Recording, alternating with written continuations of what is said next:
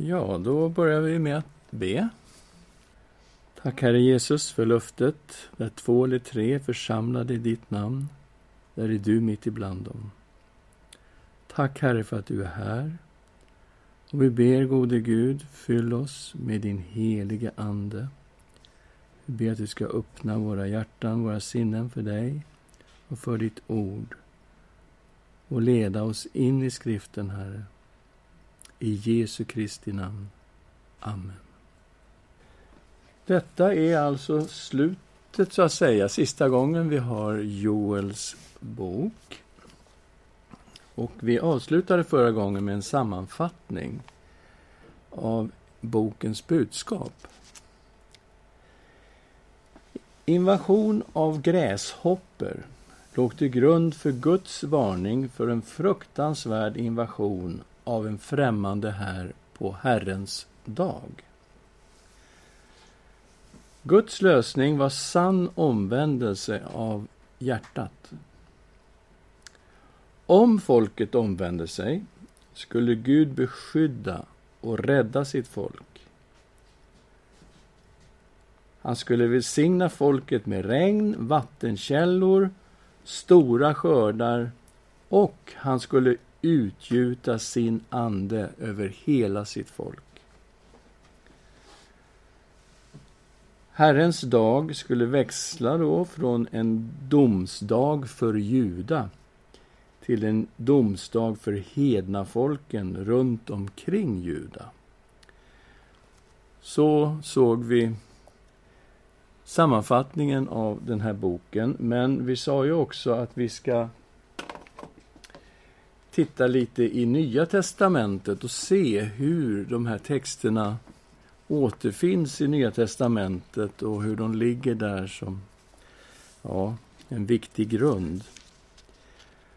Och vi kommer naturligtvis till pingstdagen. För ni kommer ihåg vad som hände där vid pingstdagen. Lärjungarna var församlade i bön. Och helt plötsligt så föll den heliga Ande. Anden kom med ett dån, ett dån som en stormvind. Och det här dånet hördes i hela området. Och de blev alla uppfyllda av den heliga Ande. Och tungor som av eld visade sig över dem. Och den dagen kunde de tala alla möjliga språk. Det var mycket märkliga tecken som hände. Och på grund av dånet så kom ju folk att undra vad är detta för någonting? Och då håller Petrus sin predikan. Och han tar ett långt citat från Joel. Det är Apostlagärningarna 2, 16-21. Han citerar Joel 2, 28-32. Och vi kanske ska titta på de verserna inledningsvis. Nej, detta är som är sagt genom profeten Joel. Och det ska ske i de sista dagarna, säger Gud, att jag utgjuter min ande över allt kött. Era söner och era döttrar ska profetera, era unga ska se syner och era gamla ska ha drömmar. Ja, över mina tjänare och tjänarinnor ska jag i de dagarna utgjuta av min ande, och de ska profetera. Jag ska göra under uppe på himlen och tecken nere på jorden, blod, eld och moln av rök. Solen ska vändas i mörker och månen i blod. Innan Herrens dag kommer, den stora och strålande. Och det ska ske att var och en som åkallar Herrens namn ska bli frälst. Så här har vi det långa citatet ifrån Joel som inleder Petrus predikan. Och han menar att den här profetian, den uppfylldes på pingstdagen, när anden föll. Det första man funderar över, det är detta med att den helige ande skulle utgjutas över allt kött. Och det är klart, när man tittar på uttrycket allt kött i Bibeln så finns det ju ställen där det skulle kunna betyda hela mänskligheten. Men frågan är om Joel hade den tanken. Det tror jag inte. Därför att i Joels bok så handlar det om att folket kallas till omvändelse. Och när de har vänt om, och om de har vänt om, det här var villkoret, då skulle detta ske med Guds ande som skulle utgjutas över folket. Och var och en som åkallar Herrens namn ska bli frälst. Så det är liksom omvändelse och det är ett åkallande av Herrens namn som är villkor för att det här ska kunna hända med människor. Ja, men hednafolken då? Tänkte Petrus på hednafolken? Nej, det gjorde han sannolikt inte. Inte ens Petrus hade förstått här på pingstdagen att detta skulle gälla alla folk.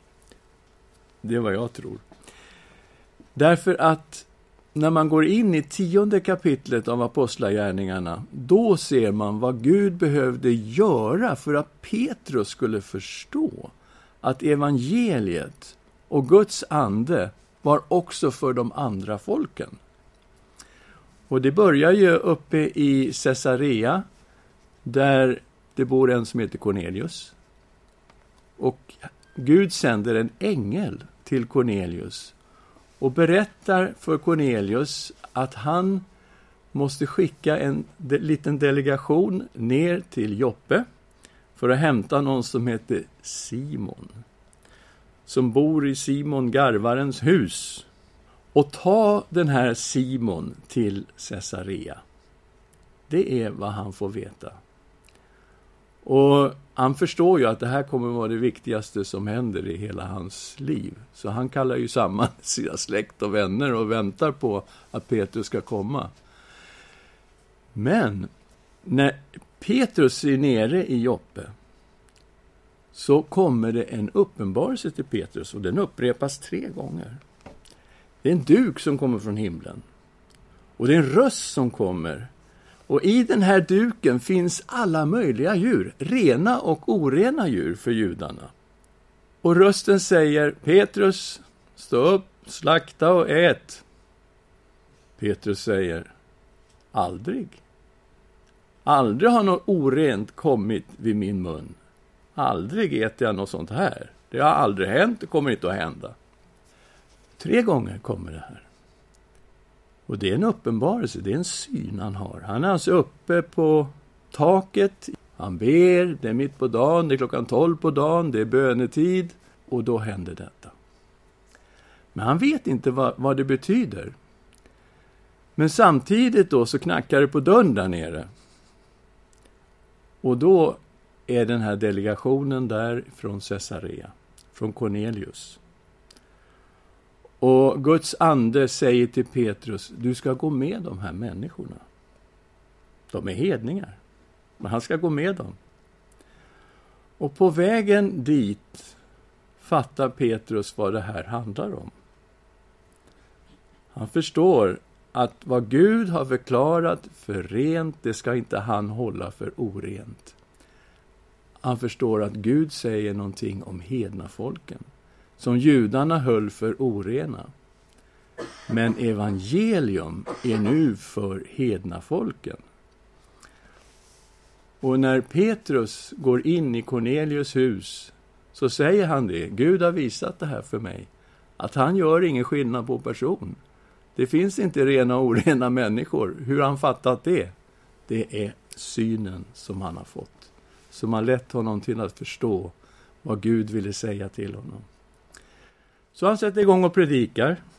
Och så blir han avbruten av att den helige ande faller över hela gruppen som är där. De blir alla uppfyllda av den helige ande, de talar i tungor. Och judarna som är med Petrus tänker, vad är det här? Och Petrus säger, vad är det här? Det är precis vad som hände med oss på pingstdagen. Det här händer nu med hedningarna och säger ja, men då måste vi nog kunna döpa de här. Och så döper de dem i Jesu namn. Och när Petrus kommer tillbaks till Jerusalem, då tar ju församlingen honom i förhör och säger vad har du gjort? Du har gått in till en hedning. Och Petrus berättar allt detta, vad Gud har gjort från början till slut, med Cornelius, med änglabesöket, med synen, med vad den heliga Ande som föll. Och då först förstår församlingen i Jerusalem att evangelium och den heliga Ande är verkligen för allt kött, är för alla människor. Men det är först då. Så jag tror inte vi kan utgå ifrån att Petrus har det här klart för sig på pingstdagen när han citerar Joels profetia. Det står ju här om kosmiska tecken. Det är solen som ska förmörkas och det är månen som ska vändas i blod. Och Petrus i predikan så hänvisar han till korsfästelsen och det är ytterst rimligt att se korsfästelsen, uppståndelsen, himmelsfärden och pingstdagen som en enda stor process. Så han hänvisar ju till detta också när han predikar vad som hände vid Jesu korsfästelse. Men vi vet att det kom ett mörker över Jerusalem som varade i tre timmar när Jesus korsfästes. Och man har ju undrat, vad i all sin dar, hur kan solen förmörkas i tre timmar? Ja, det, det vet vi inte. Det skulle kunna vara ett fullständigt mirakel. Självklart. Det skulle också kunna vara någonting som vi upplevde när vi levde i Egypten, i Alexandria. Vad vi kallar för en chamsin. Som är en lokal sandstorm. Som när den kommer så täcks solen totalt och det blir väldigt mörkt. Och det skulle ju kunna vara i tre timmar med lätthet. Här ser ni på bilden en, en sandstorm över Syrien. Och ni ser vilken enorm täthet det är på sanden. Man ser inte Syriens yta på grund av den här chamsinen, sandstormen som kommer. Skulle mycket väl kunna ha varit något sånt. Vi vet inte. Men solen förmörkades och månen vändes i blod. Och det har man räknat ut att det var en partiell månförmörkelse i Jerusalem den 3 april år 33. Den dagen när Jesus korsfästes. På kvällen när månen steg upp så var det alltså en månförmörkelse strax ovanför horisonten. Och när månen ligger så lågt och det är en partiell månförmörkelse, då får man ungefär som på bilden här. Den, den skuggade delen blir blodröd. Och resten av månen blir ju helt orange. Och det här var ju också ett märkligt tecken som hade skett samma dag som Jesus korsfästes. Det här kan man läsa om eh, till exempel in the date of the crucifixion, Humphrey Waddington, JASA 37 1985 kan man gå ut på nätet och googla på den och få två duktiga forskare från Oxford University som har räknat och med mycket vederhäftig artikel visar att detta faktiskt hände den 3 april år 33. Så kosmiska tecken hade hänt och det här måste ju varit helt levande för de som lyssnar på Petrus här nu. Han citerar Joel. Solen ska förmörkas, månen ska vändas i blod. Så kommer hans predikan. Han hänvisar förstås till att de är ögonvittnen, men framförallt citerar han skriften att det var profeterat att Jesus skulle uppstå från de döda. Det var också profeterat att han skulle sätta sig på Faderns högra sida. Herren sa till min herre, sätt dig på min högra sida till dess att jag lagt alla dina fiender dig till en fotapall. Så, vi har himmelsfärden och Jesu förhärligande också i den här predikan. Men slutsatsen som Petrus kommer fram till, det är ju i kapitel 2, vers 36, Apostlagärningarna.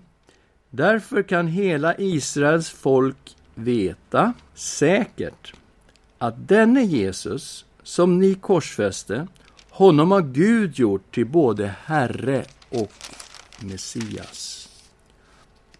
Och det här är ju fantastiskt att Jesus Kristus är Herre. Då tänker vi på Joels profetian. Var och en som åkallar Herrens namn ska bli frälst. Och här har nu visat att Jesus är Herre. Och när folket hör det här så säger de till Petrus och de andra apostlarna, bröder, vad ska vi göra? Och då kommer det, omvänd er och låter alla döpas i Jesu Kristi namn så att era synder blir förlåtna. Då ska ni få den helige Ande som gåva.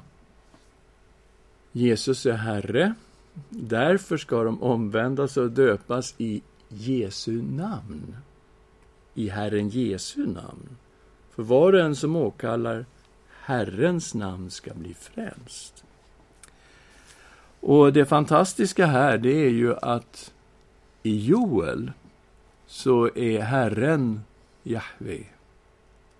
Men hos Petrus är Herren Jesus. Och det betyder ju att Herrens namn och Jesu namn är synonymt. Och det gör Jesus till sann Gud. Det här är alltså en jude som står och talar till judar. Tänk på detta. Det är inte en hedning som inte har koll på läget. Det är alltså en jude som säger detta.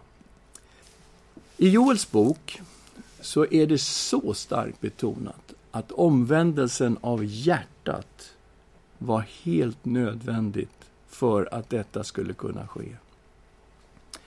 Och Man ser också att det är ju samma sak hos Petrus. Petrus säger, om ni vill ha del av den helige Ande och få den helige Ande som gåva, omvänd er. Vänd er bort ifrån detta felvända, vrånga släkte. Omvänd er till Gud. Då ska ni få den helige Ande som gåva. Så det är helt nödvändigt, både i Joels bok och hos Petrus. Sen har vi också detta att i Joel kan man läsa i Joel 2.32. Vi, vi läser no om den versen, tror jag. Och det ska ske att var och en som åkallar Herrens namn ska bli frälst. På Sions berg och i Jerusalem ska det finnas en räddad skara, så som Herren har sagt, bland de överlevande som Herren kallar. Och det är precis det som Petrus säger här. Löftet gäller er och era barn och alla dem som är långt borta, alla som Herren vår Gud kallar. Så, det är samma sak. Petrus trycker på omvändelsen och de som Herren kallar och de som åkallar Herrens namn ska bli frälsta. Vi ser en direkt parallell mellan Joels budskap och det Petrus lägger fram som villkor och förutsättning för att få syndernas förlåtelse och den helige Ande. Så vi ser omvändelse och tro var villkor för andedopet. Då skulle de få den heliga Ande som gåva. Om vi går till Jesus så kan vi se att det här villkoret med tron på honom är det fundamentala för att få del av Guds ande. Vi går till Johannes kapitel 7, vers 37. På den sista, här är Lövhyddehögtiden. På den sista dagen, den största i högtiden, stod Jesus och ropade Om någon är törstig, kom till mig och drick. Den som tror på mig, som skriften säger, ur hans innersta ska strömmar av levande vatten flyta fram. Detta sa han om anden, som det skulle få som trodde på honom. Anden hade nämligen inte kommit än eftersom Jesus ännu inte hade blivit förhärligad.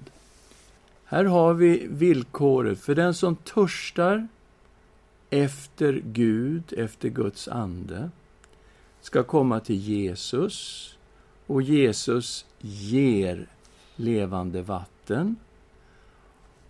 Någonting som strömmar inom oss. Och detta är den helige Ande. Men förutsättningen är den som tror på mig. Så tron på Jesus Kristus var det villkor som Jesus ställde upp för att få del av Anden. Och vi såg samma sak här i Apostlagärningarna 2. Villkoret för att få del av Anden var omvändelse och tro på Jesus Kristus.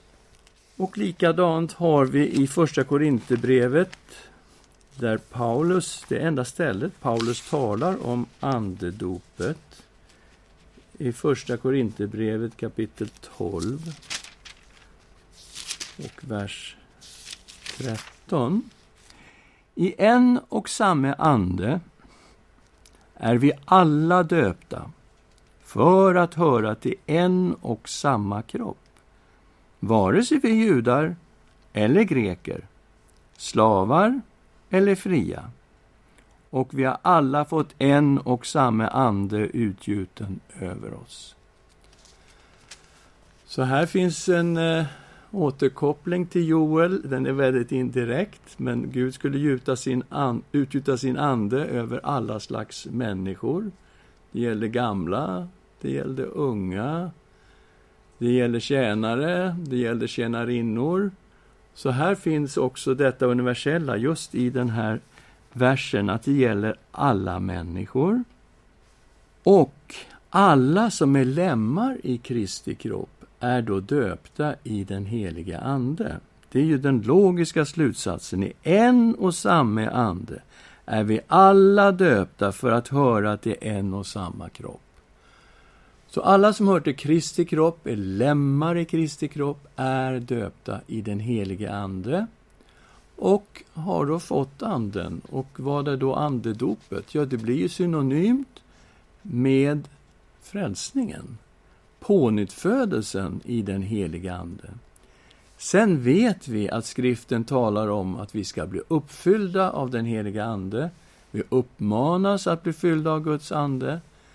Och vi uppmanas att söka gåvor i den heliga Ande. Men andedopet ser vi här, villkoret är detsamma för, som för frälsningen. Petrus har förklarat andedopet på pingstdagen ställt upp ett väldigt tydligt villkor, omvändelse och tro på Jesus, så ska de få del av den heliga Ande. Jesus undervisar om det här och sa, den som tror på mig och hans innersta ska strömmar av levande vatten flytta fram. Och han talar om Anden. Och här kommer Paulus och talar om andedopet och säger alla som är lemmar i Kristi kropp är döpta i den heliga Ande. Och hur blir vi lemmar i Kristi kropp? Ja, omvändelse och tro på Jesus Kristus. Pånyttfödelse i den helige Ande är förutsättningen. Ja, vi ska titta på ett ställe till och vi går till Romarbrevet och ser hur Paulus behandlar detta från Joel. Det är samma ställe i Joel, var och en som åkallar Herrens namn ska bli frälst, som vi kommer att utgå ifrån och se hur Paulus använder den här versen. Vi är i Romarbrevet 10. Ni vet att Romarbrevet 9, 10, 11 handlar om judarna och relationen till hedna folket, till hedningarna. Och hur Gud nu skapar ett folk av judar och hedningar. Bilden för detta finner vi när vi kommer fram till elfte kapitlet med ett äkta olivträd som har rötter ända ner till fäderna, till Abraham, Isak och Jakob. Det här äkta olivträdet består av judar som tror på Jesus Kristus. Judarna som inte tog emot Kristus och som inte trodde var grenar som blev bortbrutna ur det här äkta olivträdet. Men så fanns det vildoliv och det var hedna folken. Och Gud ympade in hedningar in i det äkta olivträdet. Det var de hedningarna som omvände sig och trodde på Jesus Kristus.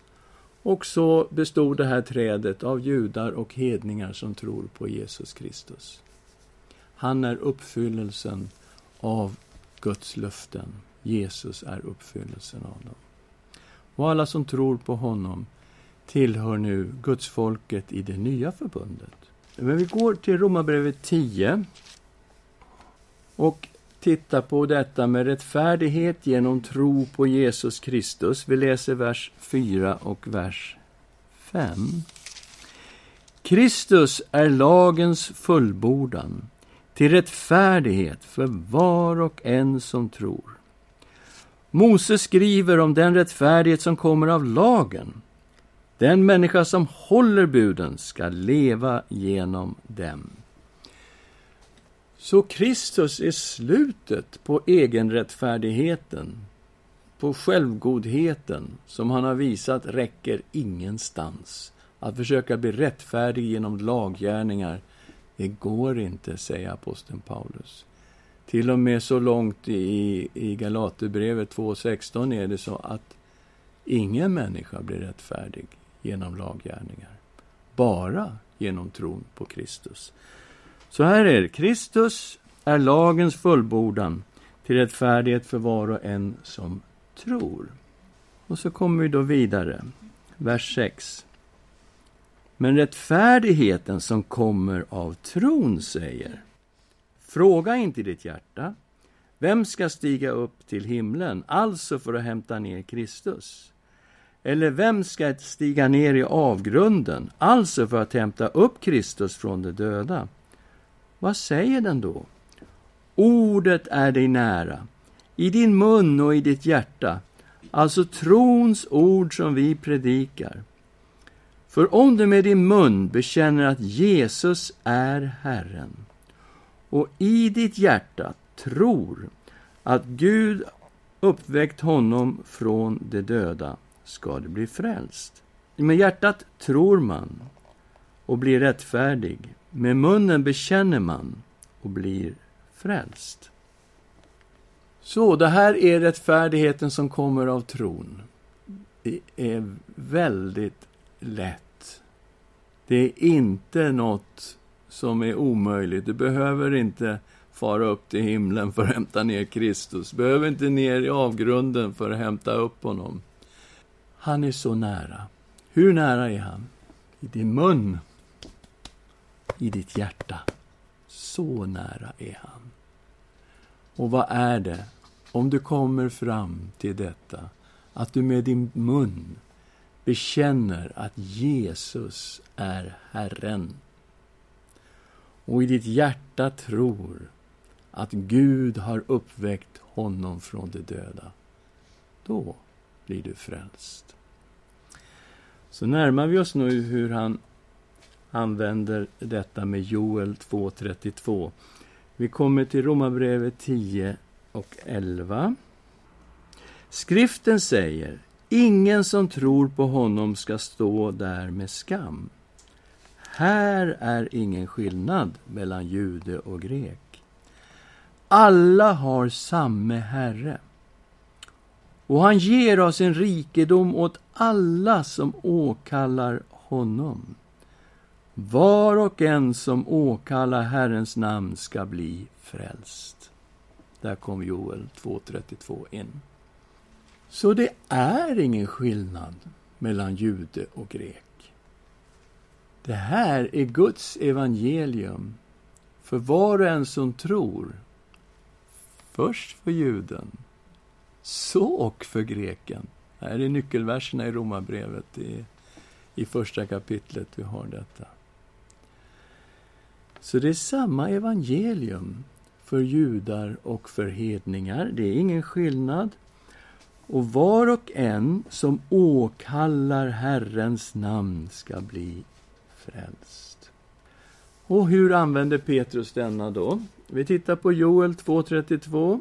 Var en som åkallar Jahves namn, det är Herren, som då i Septuaginta, grekiska översättningen, är Kyrios, Herren.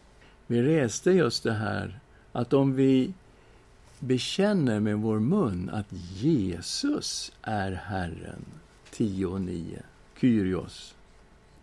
Alla har en och samma Herre, judar och hedningar. Ingen skillnad, Kyrios.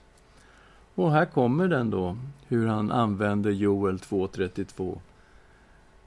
Alla som åkallar Kyrios namn ska bli frälst. Så det är helt uppenbart att Petrus sätter Jesu namn synonymt med Jahves namn. Och vad innebär detta då om vi gör en slutsats av hur Petrus och Paulus och vi ser då att de har samma tolkning av Joel 2.32.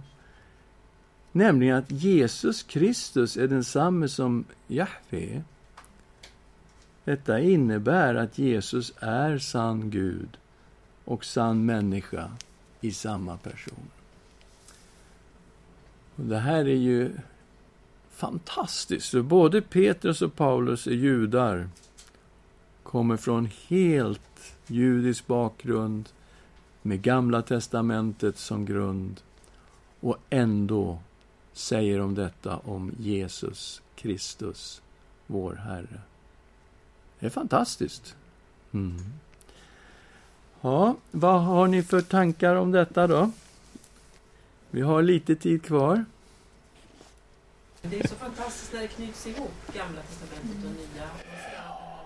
Det är inte två skilda saker, utan Nej. Det går, tråden går hela vägen. Och det är verkligen sant att Gud blev människa i Jesus Kristus. Så är det. Och så Jesu uppståndelse, förhärligad, sitter på Faderns högra sida, som Petrus säger. Han är Herre. Han är Messias. Så du har Gud börjar här och du har Gud slutar här. Och Jesus är sann Gud. Han är densamme som Jahve. Han är Gud. Vem är Gud? Han är Fader, Son, helig Ande i en Gud.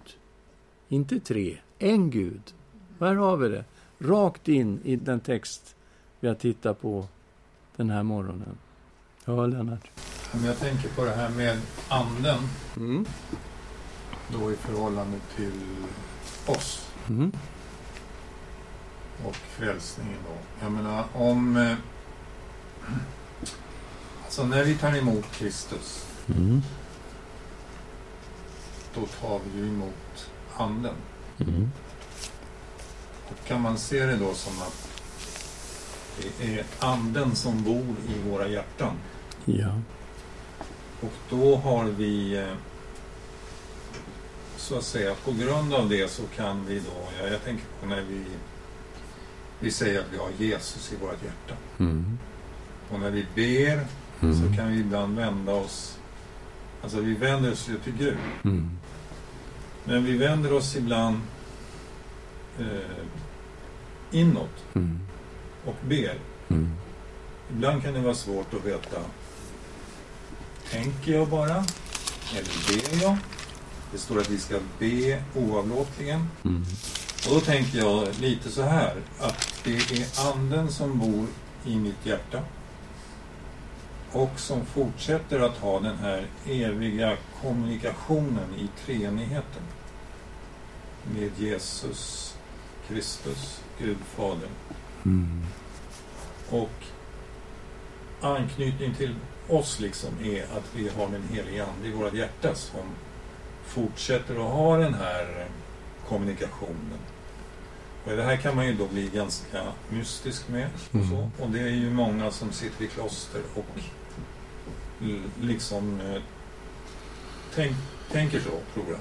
Och Mm. eh, eh, vi var på något föredrag med Peter Halldorf här och han pratade om Mm. psalmerna och hur de i sig, när de talar så är det väldigt ofta, det är Kristus som talar i psalmerna. Och samtidigt är det vi som eh, utgjuter våra hjärtan i psalmerna. Alltså det blir någon... Eh, jag, tänk, alltså jag tänker på det här nu då om eh, ja, med den heliga Andes dop. Och så. Mm. Att det, det måste ju vara något åt det hållet med anden i oss som är skillnaden. Liksom. Och att vi, att vi kan umgås med Gud på det här sättet. Mm. Eh, jag vet inte om det var mer en predikan eller en fråga, men eh, vad tror du? Eh, jag tror att du har helt rätt. När vi säger att Jesus bor i oss, Fadern bor i oss, så är det direkt kopplat till att Guds ande bor i oss.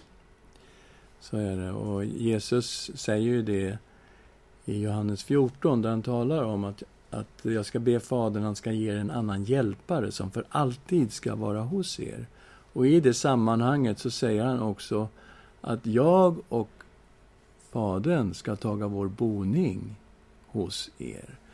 Och så hur kan Fadern och Sonen bo hos oss? Jo, det är därför att Guds ande bor i oss. Så genom anden bor Jesus i oss och Fadern bor i oss och anden bor i oss, Gud bor i oss. Så det är helt rätt. Jag tänkte också när vi pratar här i Romarbrevet 8, det här med anden och inom oss, alltså man vänder sig inåt. I Romarbrevet 8.25, eller 26, så hjälper också anden oss i vår svaghet. Vi vet inte vad vi borde be om, men anden själv vädjar för oss med suckar utan ord. Och han som utforskar hjärtan vet vad anden menar eftersom anden vädjar för de heliga som Gud vill. Och det är någonting som pågår inom oss. En förbön, Guds andes förbön inom oss. Och det kan vara suckar utan ord. Och det är en sorts gemenskap. Och vi vet inte alltid hur vi ska be. Men det finns den här gemenskapen. Och det är Anden som hjälper oss. Ja, ska vi avsluta där? Tack, Herre, för ditt heliga ord. Tack för sanningen, att du har utgjutit din ande över allt kött. Tack att vi som är hedningar från helt andra folk och få ta emot dig, Herre Jesus, som vår Herre och Frälsare. Och tack att du bor i oss genom din Ande. Fyll oss, o Gud, med din Ande denna dag. Vi behöver dig.